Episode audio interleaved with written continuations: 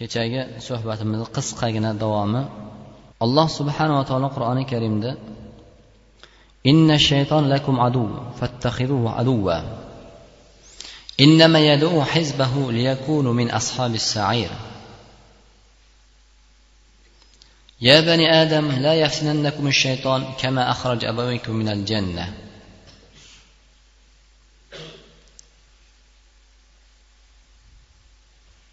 فإذا قرأت القرآن فاستعذ بالله من الشيطان الرجيم إنه ليس له سلطان على الذين آمنوا وعلى ربهم يتوكلون وبشخ آيات لرده alloh subhanava taolo sizu bizga shaytonning ochiq dushman ekanligini bayon qildi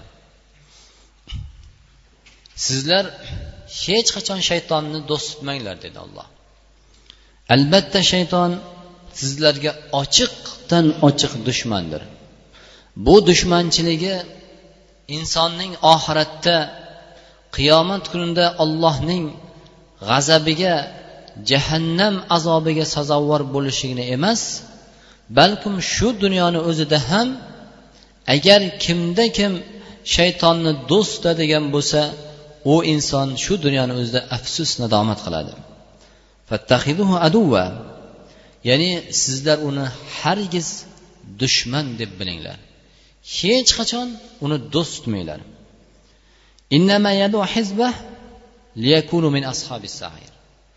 Shayton o'zini guruhiga olishlik uchun u hamisha turli yo'l bilan kelar ekan insonga.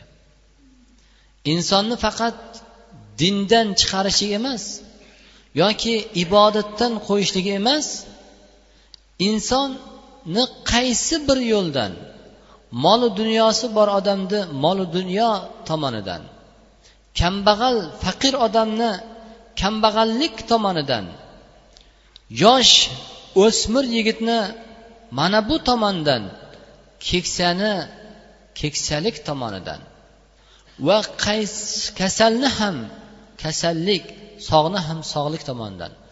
Bironta bir inson dunyoda hech kim bu shaytonning dushmanchiligidan omon qolmas ekan.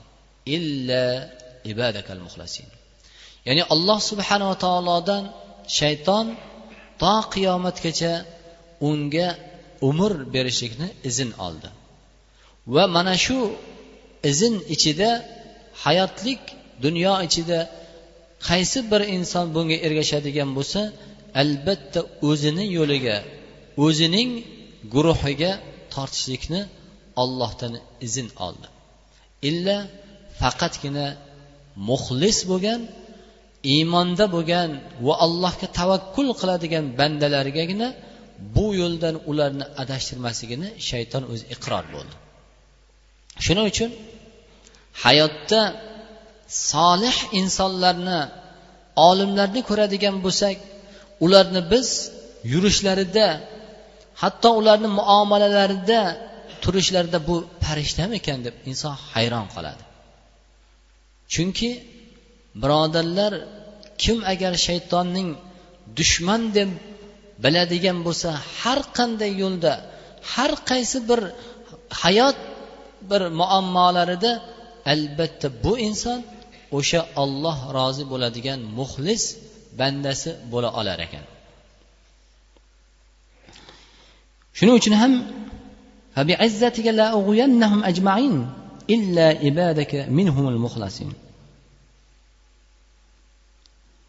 ollohning ulug'ligiga shayton qasam ichdi.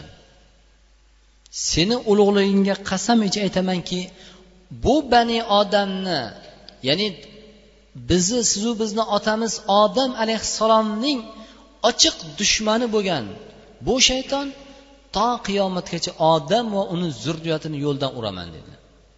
Birontasi omon qolmaydi. Illa ularni ichida nima? Muxlis bo'lgan.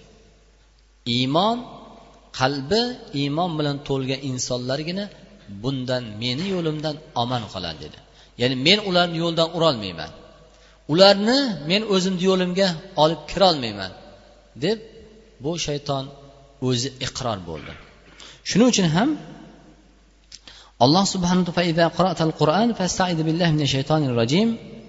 agar sen qur'on o'qiydigan bo'lsangiz ollohdan panoh so'rang. Ya'ni audu billahi minash shaytonir rojim yoki audu billahi samil alimi minash shaytonir rojim bu ham payg'ambarimiz sallallohu alayhi vasallamdan vorid bo'lib kelgan lafz ekan. Shuning uchun hammalarimiz birontamiz cho'ponning qo'rasini oldin o'tashga yuragimiz dov bermaydi. Sabab har bir cho'ponni juda dahshatlik bir itlari bo'ladi. Yoki bo'lmasa bir hovlida agar iti bo'ladigan bo'lsa bu hovlini oldidan bu hatto agar iti bo'sh bo'ladigan bo'lsa bu ko'chadan o'tishga yuragimiz dosh bermaydi. Sabab itdan bo'ladigan qo'rquv yoki bizga tashlanishligi bizni mana shunda haybatlantiradi. Lekin bu yo'ldan o'tolmaymiz. Yoki o'tadigan bo'lsak tezda o'tadigan bo'lsa ham bir hadiksirab yugurib ya'ni o'zimiz juda qo'rquv holatda o'tamiz. Qachon bu ko'chadan yoki bu cho'ponning qo'rasini oldin omonlik bilan xotirjamlikda o'tamiz? Qaysi bir holatda? Bir tasavvur qilaylik birodarlar. Qachon? Qachonki agar o'sha itni egasini chaqirib birodar itingizni ushlab turing yoki itingizni boylab qo'ying deb boylab qo'yadigan bo'lsa egasini chaqirib ana undan keyin biz xotirjam o'tib keta olamiz.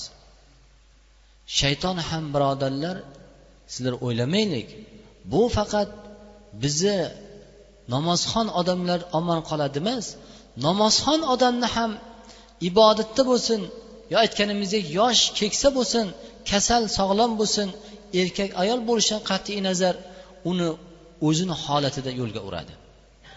Mol dunyosi bor odamni dunyoni ziynatlari bilan fohish ishlarni chiroyli ko'rsatishi bilan uni yo'ldan uradi. Kambag'al faqir qashshoqni sen kambag'alsan ha senga bo'laveradi sen bola chaqa boqaman deb yuribsan ha senga bu qiyomat kunida may olloh ham kechiradi xudoni o'zi ko'rib turibdi endi boshqa chorang yo'q degan o'g'irlikmi yolg'onmi boshqa yo'l bilan keladi birodarlar. Hech kim olimni ham hatto olimlar ham bundan omon qolmaydi.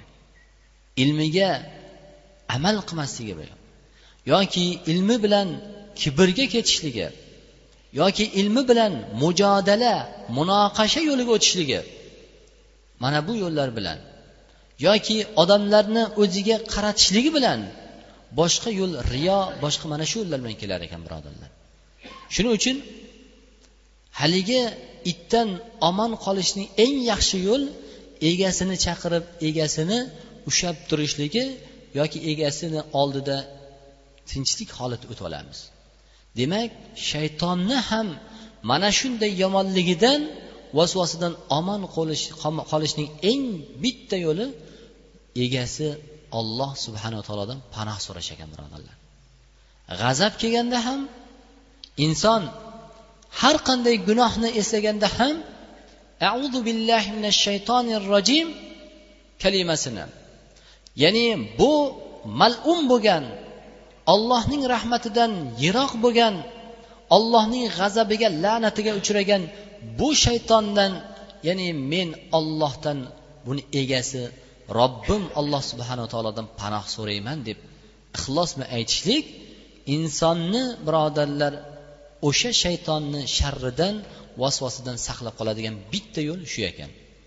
Shuning uchun ham rasululloh sollallohu alayhi vasallamni huzurlarida bir sahobiy aytdilarki taysa shayton ya'ni shayton halok bo'ldi dedilar.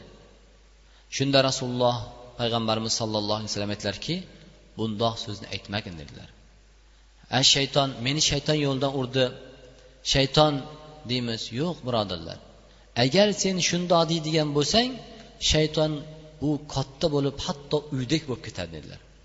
Agar mana shundoq vaqtida shaytonning fikri bir gunoh fikr yoki gunoh bir amal yodimizga kelib mana shu narsani qilishlikka bir qalbimizda fikr bo'ladigan bo'lsa darhol auzu billahi minash shaytonir rojim deyiladigan bo'lsa payg'ambarimiz sallallohu alayhi vasallam aytdilarki shayton xuddi kichkina bo'lib bir pashshadek bir zaif bir holatga kelib qoladi dedilar.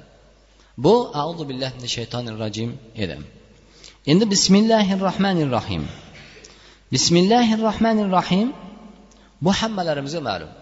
Surani boshida qur'oni karimda har bir surani boshida bismillahi rohmanir rohim kalimasi bilan boshlandi.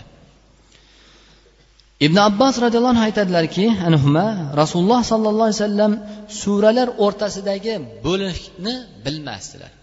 Qachonki bismillahi rohmanir rohim ushbu oyat nozil bo'lgan vaqtida bu keyin rasululloh sollallohu alayhi vasallam suralar o'rtasidagi faslni farqladilar bildilar deb aytdilar ورواه بإسناد عن عبد الكريم بن المعافي بن إمران aytadilarki قال لما نزل ya'ni jabr ibn abdulloh aytadilar bismillahi rohmanir rohim nozil bo'lgan vaqtida qushlar mashriq tomonga qarab qochdilar Va shamollar osoyishta bo'ldi va dengiz to'lqinlandi va asg'atil bahaymi biadaniham hayvonlarning quloqlari ding bo'ldi va rujmati shayatu minas sama shaytonlar rajm qilindi osmondan va halafallohu taala alloh subhanava taolo o'zining izzatiga o'zining ulug'ligiga qasam ichib aytdiki la yusamma ismuhu ala shayin illa baraka fihi qaysi bir narsaga agar ollohni ismi bilan boshlanadigan bo'lsa albatta olloh o'shanga baraka beradi qaysi bir narsani bu qur'onning o'qishlikda bo'lsin yoki kelgan inshaalloh quyida keladi qaysi bir amalimizni agar yaxshi bir amalni bismillahi rohmanir rohim kalimasi bilan boshlaydigan bo'lsak albatta olloh o'shanga baraka berar ekan من أراد أن ينجي الله من زب من الزبانية تسعة عشر فليقرأ بسم الله الرحمن الرحيم ابن مسعود aytgan ekanlarki kim jahannamdagi o'n to'qqizta farishta nihoyatda ular g'aliz bo'lgan qo'pol bo'lgan va ular insonlarni jahannamda azoblash bilan rohatlanadigan alloh ularni mana shunday yaratib qo'ygan ekan jahannam ahllarini azoblash ularga qattiq azob berishlik bilan rohatlanar ekan farishta. Mana shu farishtalar. Ana shu farishtalardan kim najot topishni xohlagan bo'lsa bismillahi rohmanir rohim desin min kulli harfin minha junnatan min kulli wahidin ya'ni bismillahi rohmanir rohimdagi o'n to'qqizta harfni har bir harfi ana shu o'n to'qqizta jahannamdagi muvakkal bo'lgan farishtalardan har biridan saqlaydi degan ekanlar.